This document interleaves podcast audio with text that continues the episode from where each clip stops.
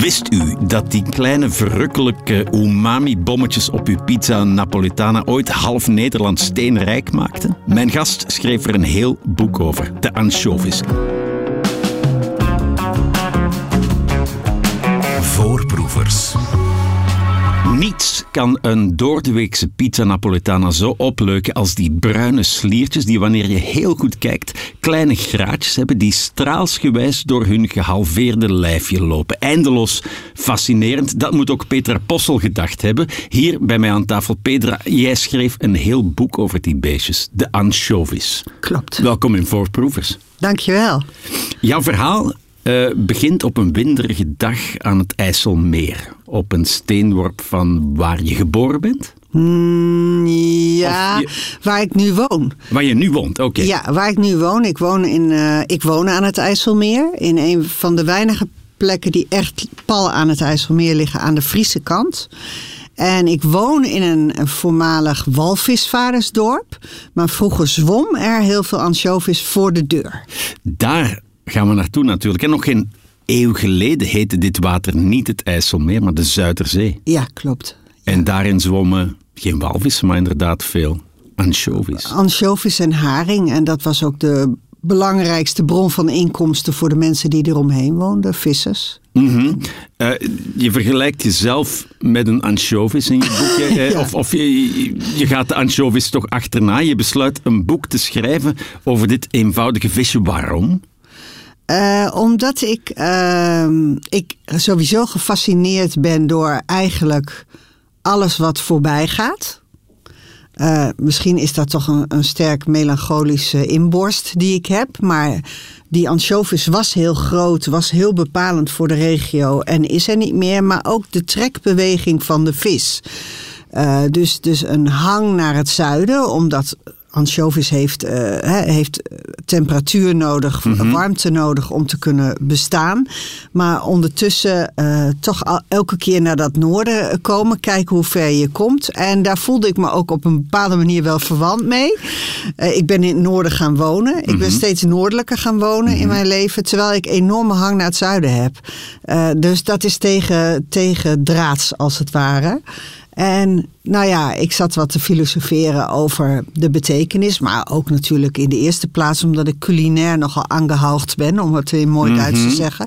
En dat ik, uh, ja, die anchovis eigenlijk, dat iedereen daar een beetje minnetjes over doet. Terwijl het van hele grote smaakwaarde is. Ja, ja, ja. Dus er komt van alles samen, zeg maar.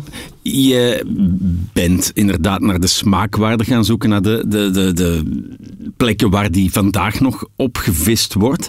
Uh, maar je bent ook gaan inzoomen op het kleine visje zelf. Mm -hmm. uh, de biologische kant van de zaak, zeg maar. Het is, het is, het is minuscuul. Ja. Uh, Straalvinnig. Straalvinnig, ja. Vertel. Nou ja, dat, dat heet de familie van de straalvinnigen. En dat is dat ze van die vinnetjes hebben die zo uitsteken van die botjes. En uh, dat, dat is dat is straalvormig. En uh, dat houdt eigenlijk die hele structuur van het beestje bij elkaar. Uh, overigens, de haring maakt ook uh, deel uit van diezelfde familie. En um, ja, ze hebben een vrij geprononceerde kaak. Ik, ik noem de anchovis de, de Freddie Mercury onder de, onder de vissen. Hij heeft een overbite, zoals okay. ze dat zeggen. het is een heel klein visje. Het is een heel sterk visje. Maar ook een heel gevoelig visje, En een ik. overgevoelig visje. Hoe en ook daarin herken ik mij enigszins. uh, gevoelig hoe? Uh, uh, voor alles wat er gebeurt. Dus licht... de anchovis zwemt als het ware naar het licht toe, maar zwemt op grote diepte mm -hmm. in de zee. Um, is gevoelig voor warmte en kou, is gevoelig voor beweging. Dus er hoeft maar iets te veranderen, klimatologisch of, of anderszins. En, en die anchovis die reageert daarop. Een soort kanarie in de koolmijn onder water. Zoiets. Zo, oh, dat ja. is een leuke vergelijking. Die had ik eerder moeten horen. uh, Oké, okay. nu we associëren uh, anchovies op onze pizza natuurlijk niet met Nederlandse nattigheid. Maar die twee zijn al heel lang met elkaar verbonden. Ik las dat in 1100 na Christus er al anchovies op een of andere menukaart stond in Nederland. Ik, ik, ik wist niet dat ze in Nederland al menus hadden in 1100 na Christus. Je dacht überhaupt dat we waarschijnlijk geen menus hadden in Holland.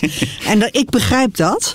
Uh, ja, want de anchovies was natuurlijk... Uh, heel belangrijk in al die vissersplaatsjes. En dus werd daar ook mee uh, gekookt. Uh, overigens werd uh, ietsje later de anchovies alleen maar geëxporteerd naar Duitsland, naar het Hof van Engeland.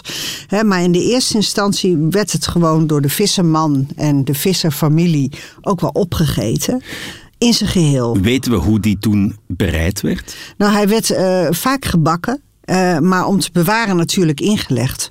En dat is wel...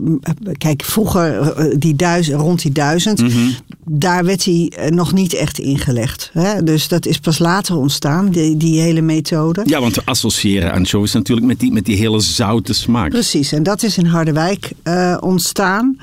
Uh, God, hoe heette die man nou? Aadzoon, Jan Aadzoon... Ja, Jan Aalsson, nog wat. Uh, maar ik kom zelf ook uit Harderwijk. Dus, dus dat vond ik dan... Ja, ja, op een gegeven moment ga je natuurlijk... Behalve, uh, je gaat ansjovis op laag water zoeken, als het ware. Uh, dus je ziet ook verbanden die misschien totaal geen verband zijn. Mm -hmm.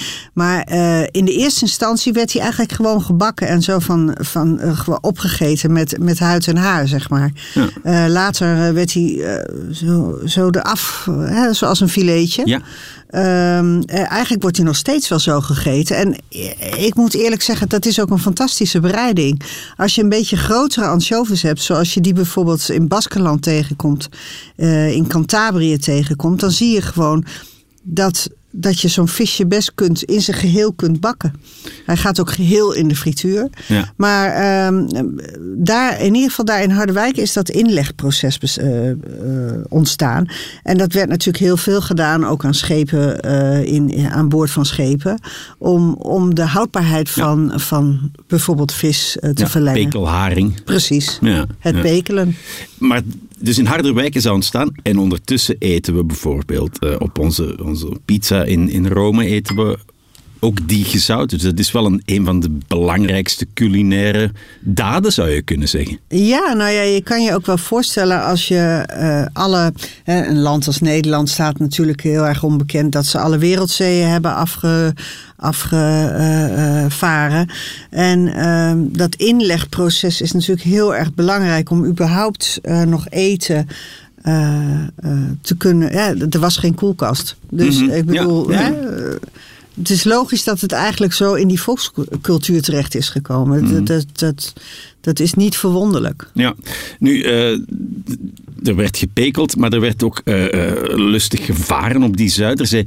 We zijn een beetje vergeten hoe dat eruit zag. Kun je, kun je daar iets over vertellen? Het was die plek. Een, ja, het was een enorm, en rond 1600 een enorm druk verkeer. In de Gouden Eeuw, uh, ik heb er een, een, een getekende plaat van gezien, uh, voeren er alleen maar schepen af en aan. Het was een doorga doorgaand verkeer uh, naar Holland, zullen we maar zeggen, vanuit het noorden en terug. Zeilverkeer, gigantisch druk.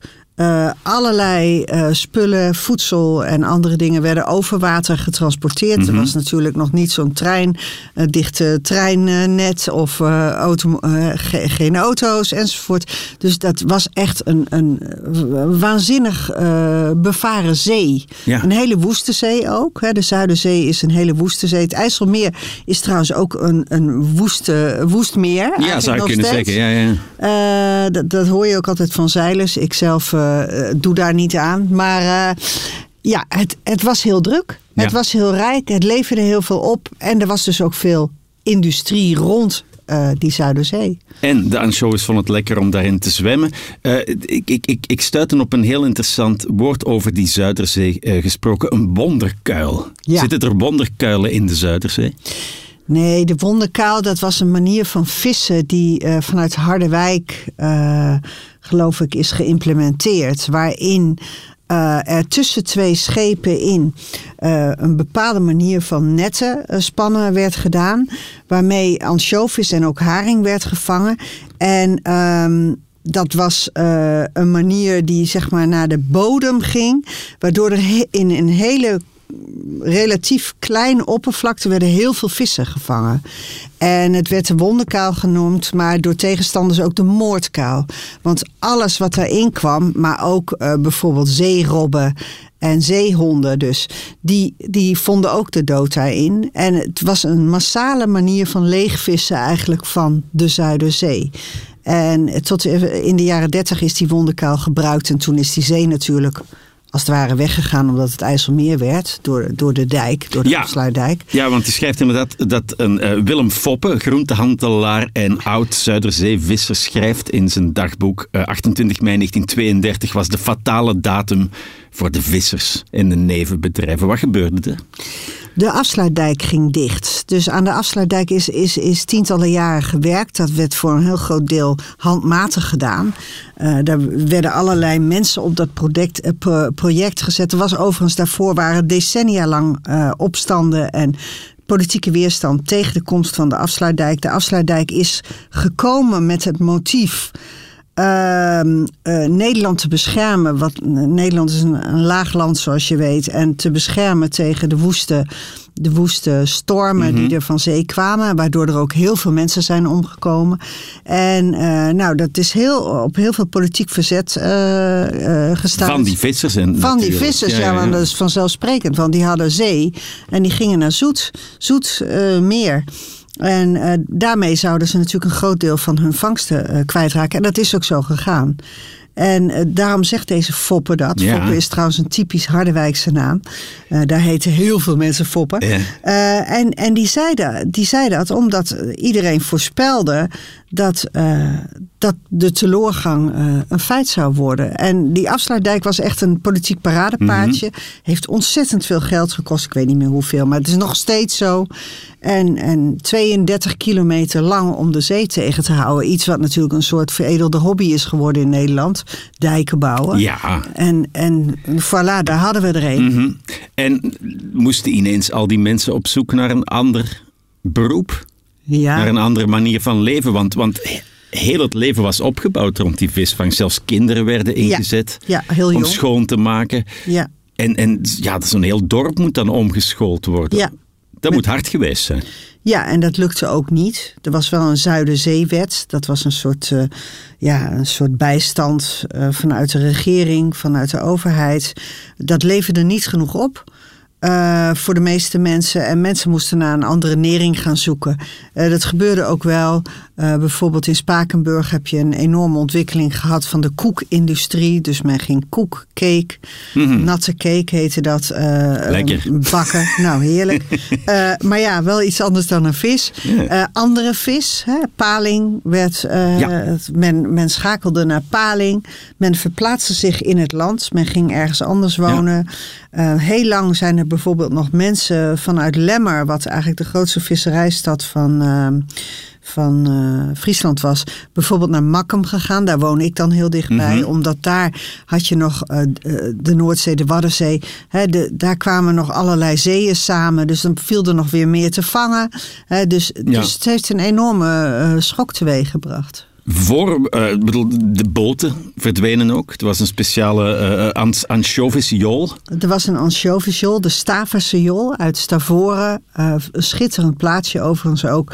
Waar echt die visvangst en, en, met name de ansjovis heel belangrijk was. Er was. Alle industrie was gelieerd eraan. Iets wat je bijvoorbeeld in Zuid-Frankrijk nog steeds ziet. Mm -hmm. of op andere plekken ter wereld. Dat, dat was toen in Friesland zo. En het was heel rijk en het was heel kostbaar. Het was een klein visje, maar er werd heel veel geld mee verdiend. Ja.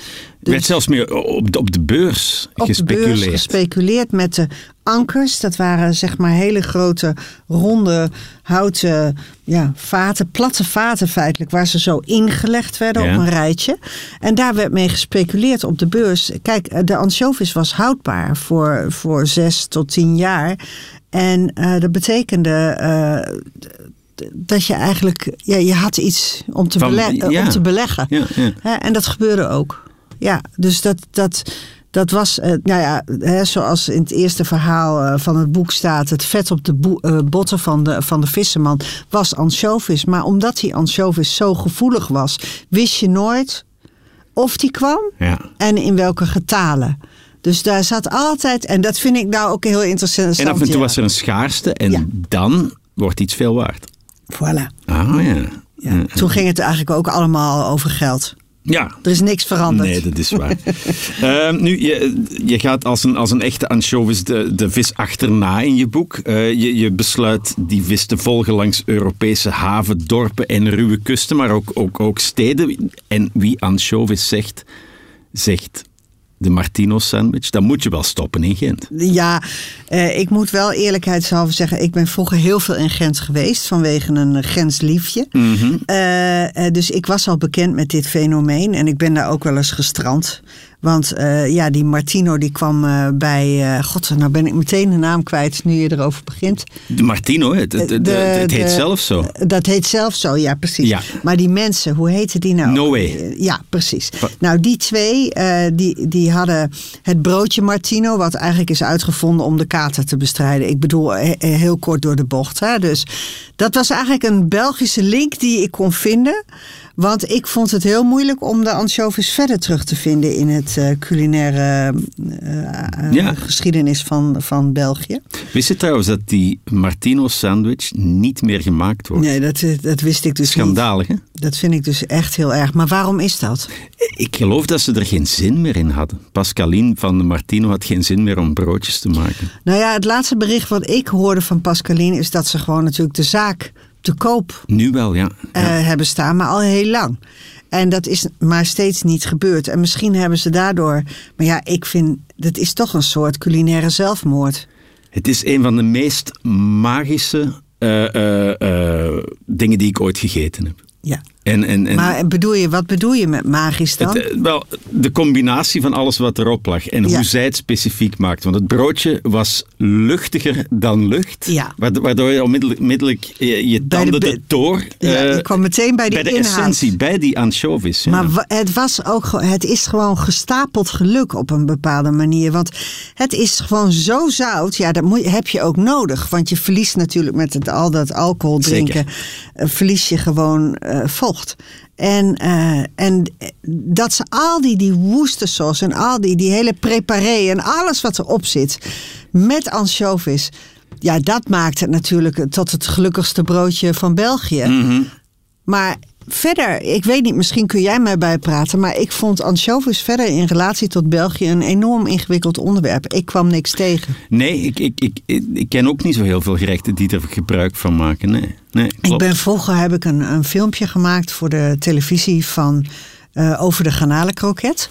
Eh, en ik weet natuurlijk dat de garnalenkroket die bij jullie garnaalkroket Ja. heet volgens mij. En Ja. bij ons garnalenkroket. Alhoewel die van jullie eh, veel meer garnalen heeft dan die van ons. Maar in ieder geval, en ook de beste wordt gezegd. Maar ja, dat zeggen die Belgen altijd. Ja. Anyway, daar heb ik heel veel over gevonden. Maar over anchovies niks. Nee. En dat verbaast mij, want eh, jullie hebben een stukje dezelfde zee eh, als wij hebben natuurlijk. Dat is waar. Eh, nu, in, in, in Europa, overal waar je komt, is de eerste vraag die gesteld wordt van hoe groot is de anchovies? Ja. Dat- size matters hier. Size matters, Ja. yes. En iedereen zegt wel dat dat niet zo is, maar we weten allemaal dat dat dan toch stiekem wel een onderwerp is. Zijpad, maar ik zit net, heb ik eh, in Nederland eh, eh, wekenlang mogen genieten van een serie die heet B&B Vol Liefde.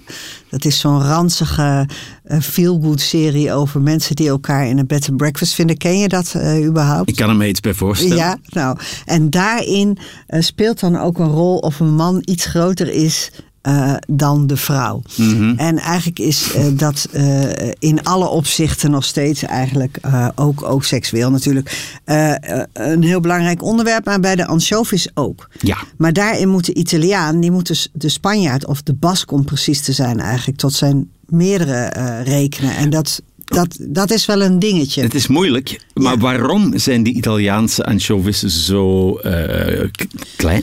Dat heeft te maken met eh, de zee waarin ze zwemmen. Eh, bijvoorbeeld de anchovies van de Middellandse Zee eh, heeft andere omstandigheden.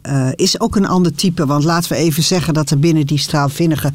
ik geloof 350 types zijn. Hè? dus, dus anchovies is ook niet één Nee, één ding. Nee, ding. nee, nee, nee. Ehm, maar los daarvan heeft het te maken met onder andere de omstandigheid, heb ik me uit laten leggen, van de temperatuur en de, de zee bepaalt eigenlijk eh, hoeveel weerstand die heeft. Mhm. En de anchovis van bijvoorbeeld Baskeland, die heeft gewoon een andere zee.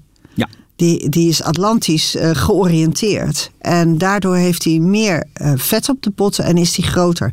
Waarschijnlijk heeft hij meer weerstand ervaren in het groot worden. En is daardoor een Zo ander- geëvolueerd. ja, die is zo geëvalueerd.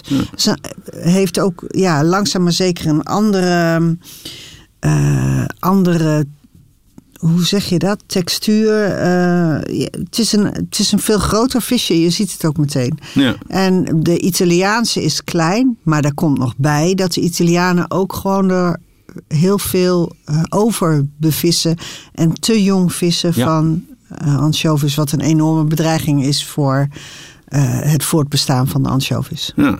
Nu, we zijn al in Italië en in Spanje, maar we zijn nog niet eens in Frankrijk Ja, geweest. dat is erg. Dat is erg, hè? Ja, dat is erg. Noord-Frankrijk, Bretagne ook. Ja. Atlantische kust. Ja. Eh, wat voor plek was dat? Daar, daar, daar kwam je voorbij. Daar kwam ik voorbij, dat is La Turballe.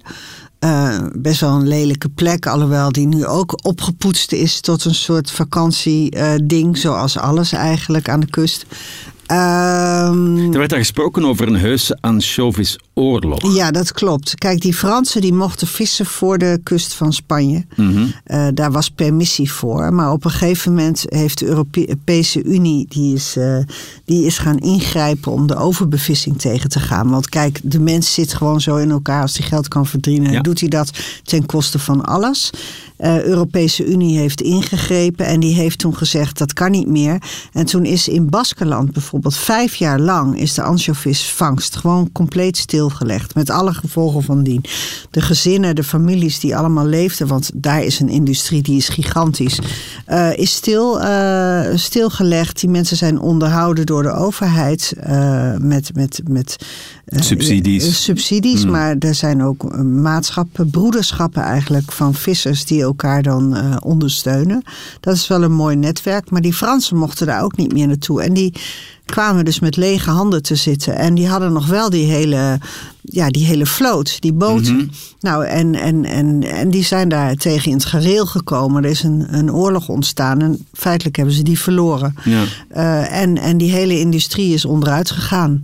Eh, En daar kwam je dus mensen tegen die op dit eigenste ogenblik die eh, omschakeling moeten maken.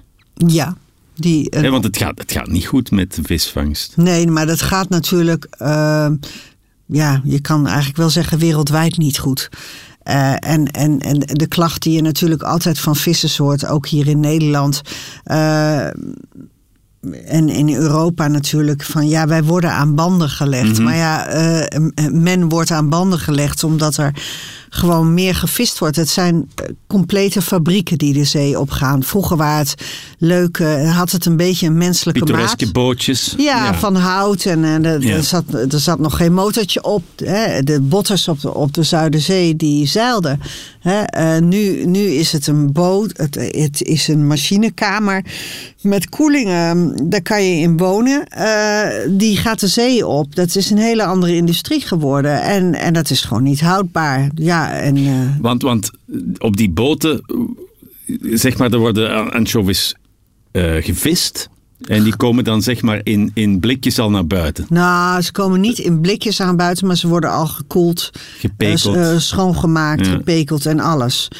Dus nee, het pekelen gebeurt aan, eh, aan wal, maar het, het complete schoonmaakproces, ze worden massaal gevist en het mag niet meer. Dus wat je nu ziet is dat in Baskeland eigenlijk, die, die hele tak van Spanje, die heeft zich in die vijf jaar getransformeerd tot een tot een, tot een duurzame visserij. En daar is een heel strenge toezicht op. Maar ook de vissers onderling, zoals ik heb gezien, maar ook me heb laten vertellen, die zijn onderling heel erg goed in het ehm, met elkaar ehm, zich houden aan die regels. Maar in Frankrijk is er veel langer en op veel grotere scha- schaal eigenlijk Overbevist. gem- ge- gemarchandeerd. Ja, ja, ja. En ook een andere stijl van vissen. Ehm, dus ehm, eh, veel meer eh, richting de zeebodem met alle gevolgen De wonderkuil. Nou, een soort wonderkuil Ja. in Frankrijk. En in Frankrijk zie je dan ook dat er bijna geen anchovies meer is.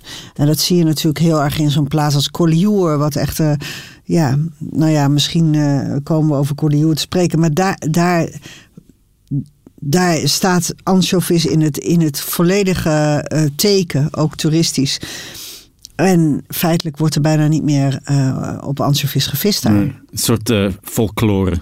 Ja, maar ook een nep, Ja, nepfolklore. Nep folklore, Ja. een, een, een, een nepsnor. Ja. Fopsnor. Over folklore gesproken. op een gegeven moment ben je in Malaga in Zuid-Spanje. Daar staat een enorme boccherone Ja. of, of anchovies. Zeg maar een so- soort eh, een afgodsbeeld op het strand. Ja. Wat was dat? Eh, nou, hij was eerst nog horizontaal, maar later richtte hij zich op. Maar eh, eh, het is een, eigenlijk een vallensymbool, zou je ook kunnen zeggen. En zo wordt de Boccherone in, in Malaga ook gezien. Malaga heeft ook een hele grote industrie van, van eh, vissen natuurlijk. De sardine is wereldberoemd, maar eigenlijk de anchovies is veel belangrijker voor een stad als Malaga. Eh, en eh, die is ook een symbool in de hele viering van het carnaval. Dus aan het eind van carnaval wordt de Boccherone wordt, eh, ja, daar wordt een papier-maché van gemaakt, een hele grote nepper. Daar lopen ze dan mee in een optocht. Ja. En die komt uiteindelijk wordt die in de fik gestoken op het strand van Malaga. En dat is het symbool van het valles, wat eh, ja, Vruchtbaarheid. eh, ja, Ja. wordt omgebracht feitelijk. Ja. En wordt ook begraven in het zand. Dat is dan eh, de, de, de, de, het ritueel.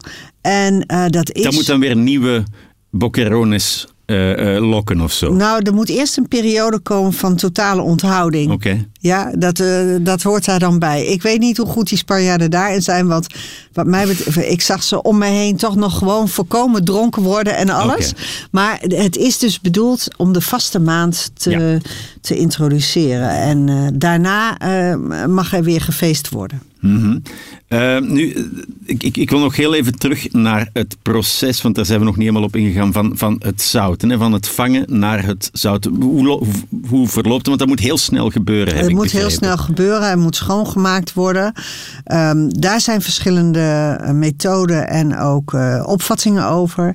Ehm, eh, volgens de kenners is het belangrijk dat dat rode bloed er niet in zit. Maar de anderen laten dat rode dat bloed, nou ja, bloed is altijd rood, maar laten dat er wel in zitten. Dus dat is een opvatting. Het wel of niet verwijderen van de, Graatjes. van de gaatjes. Eh, vaak wordt die ingemaakt met de gaatjes. Soms wordt die ingemaakt zonder de gaatjes. Dus er zijn ook allerlei methodes ehm, eh, ja, die, die, die gehanteerd worden wereldwijd. Mhm. Wa- waar hebben ze volgens jou de lekkerste anchovies? Nou ja, ik vind dat heel... Ik vind namelijk eigenlijk alle anchovies bijna wel lekker. Ja. Maar ik En zie... proef je ook echt een verschil? Jawel, want ik zag, vroeger zag ik dat niet. En, en daar had ik ook gewoon zo'n blikje uit de supermarkt van eh 2, 3 euro. Maar nu zie ik wel dat dat ten eerste hele kleine anchovissen zijn. Dus die, da- daar heb ik dan nu een afkeer tegen. Eh, omdat ik ook weet welke industrie daarachter zit. Ehm, je ziet ook vaak dat ze daar niet dat ze een beetje verkruimelen als het ware. slordig, ja. Ja, slordig, niet mooi. Ik, ik eh, zie nu dat eh, een pot met, eh, met anchovies, kun je ook zien hoe de anchovies eraan toe is. En als die filetjes dan mooi zo voor het raam zitten, als het ware, Ja. dan weet je... Zijn ze met liefde ingemaakt? ja. ja, ja. En dan zie je dat dat goed gedaan is. Hè, als ze mooi opgekruld of staande, nog mooier, staande tegen dat raam. Ja. En dan weet je dat je met een goede anchovies te maken hebt. En dan kijk je ook vaak naar de grote. Toch wel, want die uit eh Baskeland, uit Spanje zijn eigenlijk toch wel beter dan die uit Italië. O- eh, Die van Italië zijn een beetje benig, misschien zit weinig aan. Benig, grijzig en is minder royaal. Nu, voor op de pizza is dat, is dat geen probleem eigenlijk. Hè? Eh, ehm, de pizza Napoletana Ja, komt niet uit Napels, geloof ik. komt uit Rome. Ja, dat vond Ja. ik ook heel opmerkelijk. Ja, ik moet je eerlijk zeggen, ik snap er zelf ook eigenlijk helemaal niks meer van, maar het is wel zo. En dat heeft te maken met eh, dat die stijl van pizza maken, dat die in Rome is bedacht. Ja. Maar dat het een Napolitaanse eh, stijl is. Nee, kijk, weet je, heb jij het nog scherp? Ja, nee, nee. Ik, ik kan het opzoeken hoor, maar de, de- het is een raar verhaal inderdaad. Ja, ja. Eh, nee, het- is inderdaad eh, de pizza alla marinara. Ja, Hè? ja. Het- het en is- marinara. Ja, dat zijn twee verschillende dingen. Zeker. Oké. een- ja. En de ene? de ene is ehm, met ansjovis en de andere is zonder ansjovis. Voilà. Ja, interessant. Verder eh, in Italië eh, ontdek je iets en daar, ik wilde onmiddellijk eh, vertrekken naar Italië om het te proeven, want die beschrijft het zo mooi. De cetara. Ja, Dat is iets wat ik niet ken. En plaatje lijkt me heerlijk. cetara. Ja, nee, die, die col, eh, col- collatura. di Alici. ja nou, ik, daar eh, ik denk dat je niet heel lang in, in Amsterdam blijft, maar ik, vanmiddag eh, ga ik pasta, eh de s- spaghetti eh, collatura maken. Oké. Eh, om, omdat ik dat voor iemand maak die daar eh, nieuwsgierig naar is. Dat is een. eh, ja, dat is eigenlijk een ingelegd eh sap, goedje, ehm, siroopachtig. Het is eigenlijk een vissaus Ja. die gemaakt is van anchovies. eh, van verrotte, eh, eigenlijk het rotting uit het gefermenteerd. ja, gefermenteerde anchovies.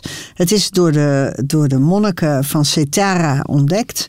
Eh, zij hadden vis in vaten staan. Die vaten, dat was aan de voet van een rivier die uitkomt op zee daar. Het ligt niet ver van zee.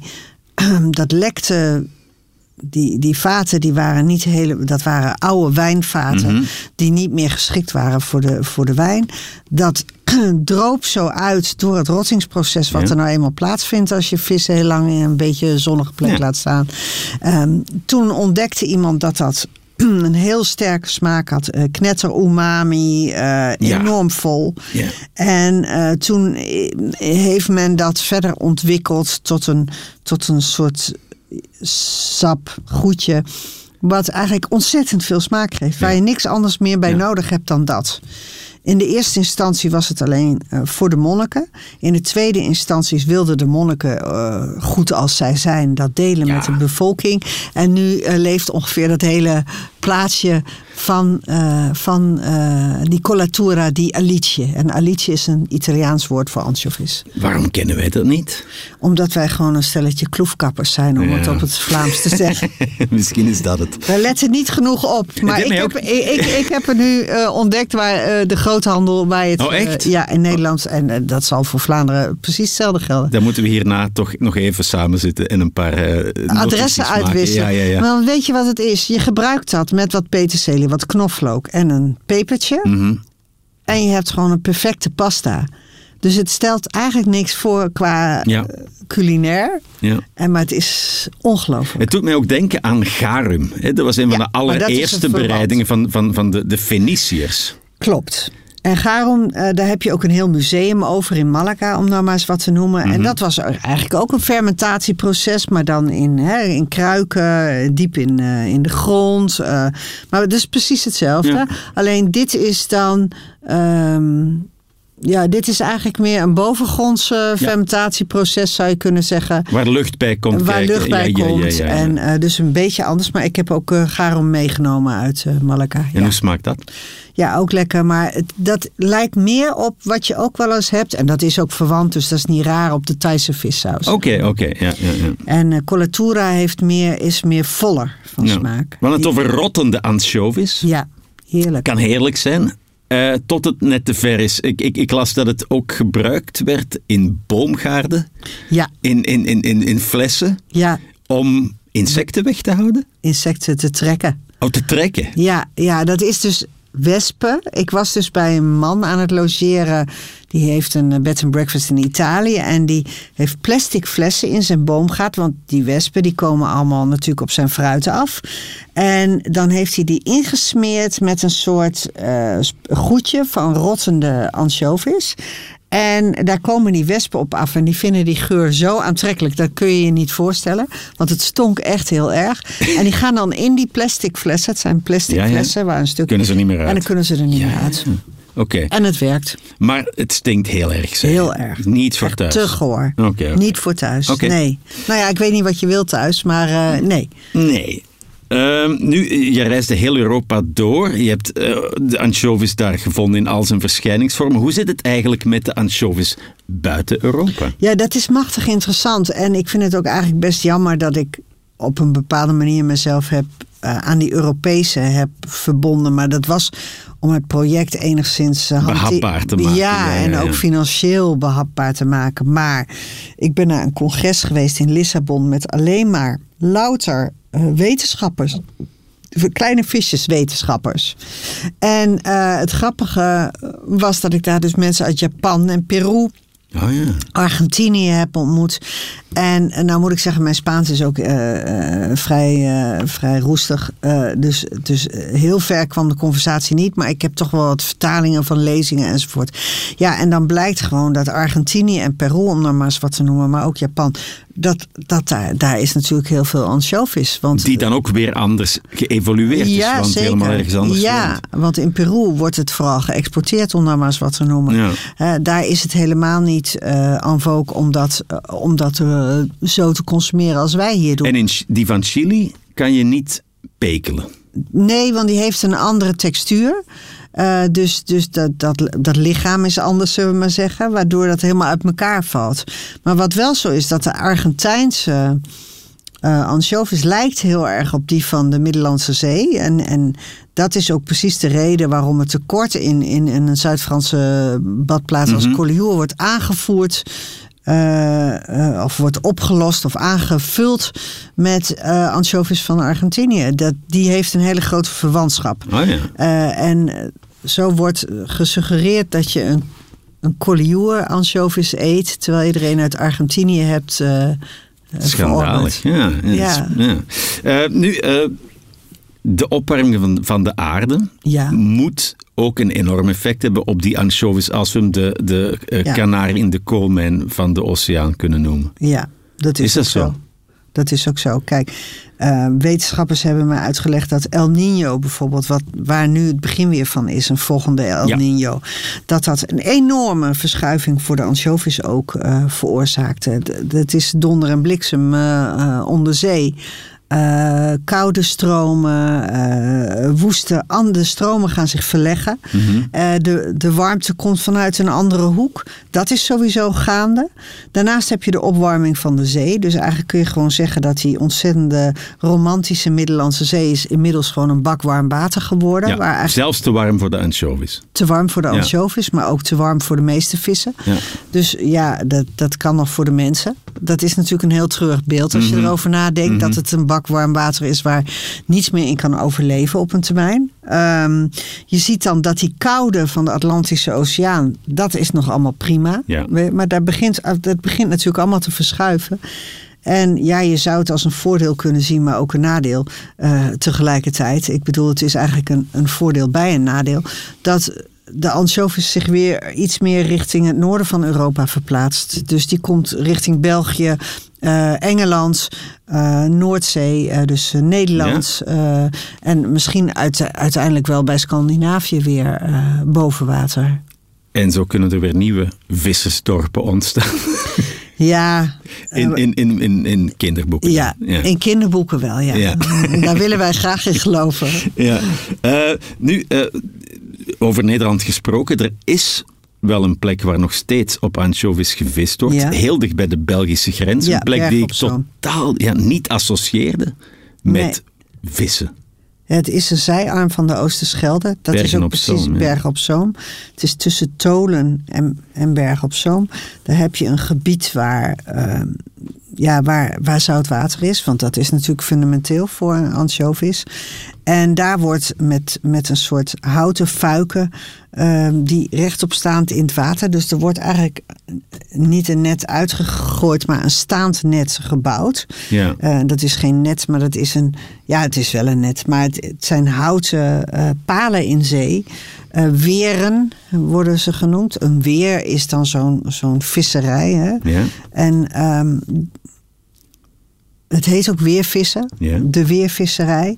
Vroeger was het heel groot. Het is enorm omslachtig. Want er wordt zo'n weer gebouwd in het seizoen. Dan gaan die boten daar op een bepaald tijdstip heen. S S'nachts. Die wachten tot het Daar was je bij, hè? daar was ik bij. Ja. Eh, dan, dan moet je wachten tot de zon opkomt. En dan worden de netten eh, binnengehaald. Maar er zijn veel kapers op de kust. Bijvoorbeeld grote eh, vogels. Ja. En die moeten weggejaagd worden. Dus je bent eerst, lig je daar eigenlijk al voordat het licht wordt. Ben je er om die, die vogels weg te jagen? Dan moet je gewoon heen en weer lopen op zo'n dek. Dat was jouw taak. Ja, ik was, nog, ik was nogal bedreigend. Ik ben een grote vrouw, zeg maar. Ja. En eh, daarna eh, worden die netten in die weren gegooid, in die houten paalconstructies en binnengehaald. Maar de afgelopen jaren zijn, ja, zijn er bedroevend weinig eh, vissen gevangen. Dus ja, een stadje als Bergen op Zoom heeft een, een, een culinair festival eh, rond drie A's: aardbeien, eh, asperge en anchovies. Allemaal hetzelfde seizoen. Alle restaurants zetten dat dan op de kaart. eh, in allerlei variaties. Hartstikke leuk. Maar dat, dat kan nu niet, niet meer met, met eigen anchovies. Heb je, heb je ze geproefd? ja, er waren er, ik geloof, dertien Dat is niet veel. in één nacht. Nou ja, goed, dat is dus niks. En hoe waren ze? Ja, het is heerlijk, want ze zijn groot. Ja. Eh, ze, zijn, ze, ze lijken een beetje op die van, Galicië, van die, eh, Spanje. van ja, Spanje, ja. van Baskeland. En, eh, maar ja, het was eigenlijk een heel droevig verhaal, want eh, er is niks meer. En, en er wordt eindeloos, ehm, en dat vind ik wel opmerkelijk, dat ook de wetenschap weet het nooit. Hè? Mhm. Ik bedoel, wij denken altijd, nou ja, goed, de wetenschap die weet het. Eh, want eh, waarom heet ze anders wetenschap? Maar die staat ook voor raadselen, want die kan eigenlijk niet precies zeggen waardoor het komt. En, en daar wordt dan eindeloos naar gekeken. Komt het door trillingen van, van, van, van, die, van die windmolens Oh ja. die, die er staan? Komt het van vervuiling eh, vanuit de industrie van onder andere Antwerpen? Komt het van we- weers, klimaatveranderingen? Eh, komt het van zandsuppletie? Hè? Want er, is, er wordt steeds zand gestort Ja. om, om bepaalde afslag van de kust weer eh, tegen te gaan. Dus er zijn zoveel verschillende Bedreigingen, bedreigingen. potentiële oorzaken. Ja, en dat, ja. en dat is eigenlijk eh, het totaalverhaal ook van de anchovis. Dat het permanent bedreigd wordt. Ja, een beetje een droef einde Ja, nou ja. verhaal. Ja. Ja. Ik ben ook niet. Ik, ben- ik, ik ben een optimistisch mens, maar ik, ik denk niet dat we veel, optimistisch, eh, veel optimisme aan de dag hoeven te leggen als het gaat om eh, de manier waarop wij met onze aarde omgaan. Nee, En in die zin is de, is de anchovy een soort metafoor. ja. Had je een boek kunnen schrijven over de sardine? Jawel, maar toch niet zo. Nee, maar Nee. Dat, daar, daar, daar wil, daar, wil ik vragen. Waarom precies deze? Nou, Wa- wa- wa- maar- wa- ja, Ja, deze. Nou, kijk. Zoals de ondertitel van het boek al is: klein, eh, Kleine vis, groot verhaal. Er zit dus, eh, zeg maar, heel veel in. In een heel klein visje. Nou, moet ik toegeven dat de sardine ook niet heel erg groot is. Maar de sardine, eh, de anchovis, heeft een ander karakter dan de sardine. Ja. En ik vind het dus mooi dat het een overgevoelig visje is. Die toch overleeft. Dat is een, een thema wat mij eh, aan, aanspreekt. Petra Possel, dank je wel voor Het je verhaal. gedaan. En nu gaan we eh, ja, wat gaan we doen? Gaan we nu- spaghetti maken? ja, spaghetti maken. Colatura di Alice. Grazie mille.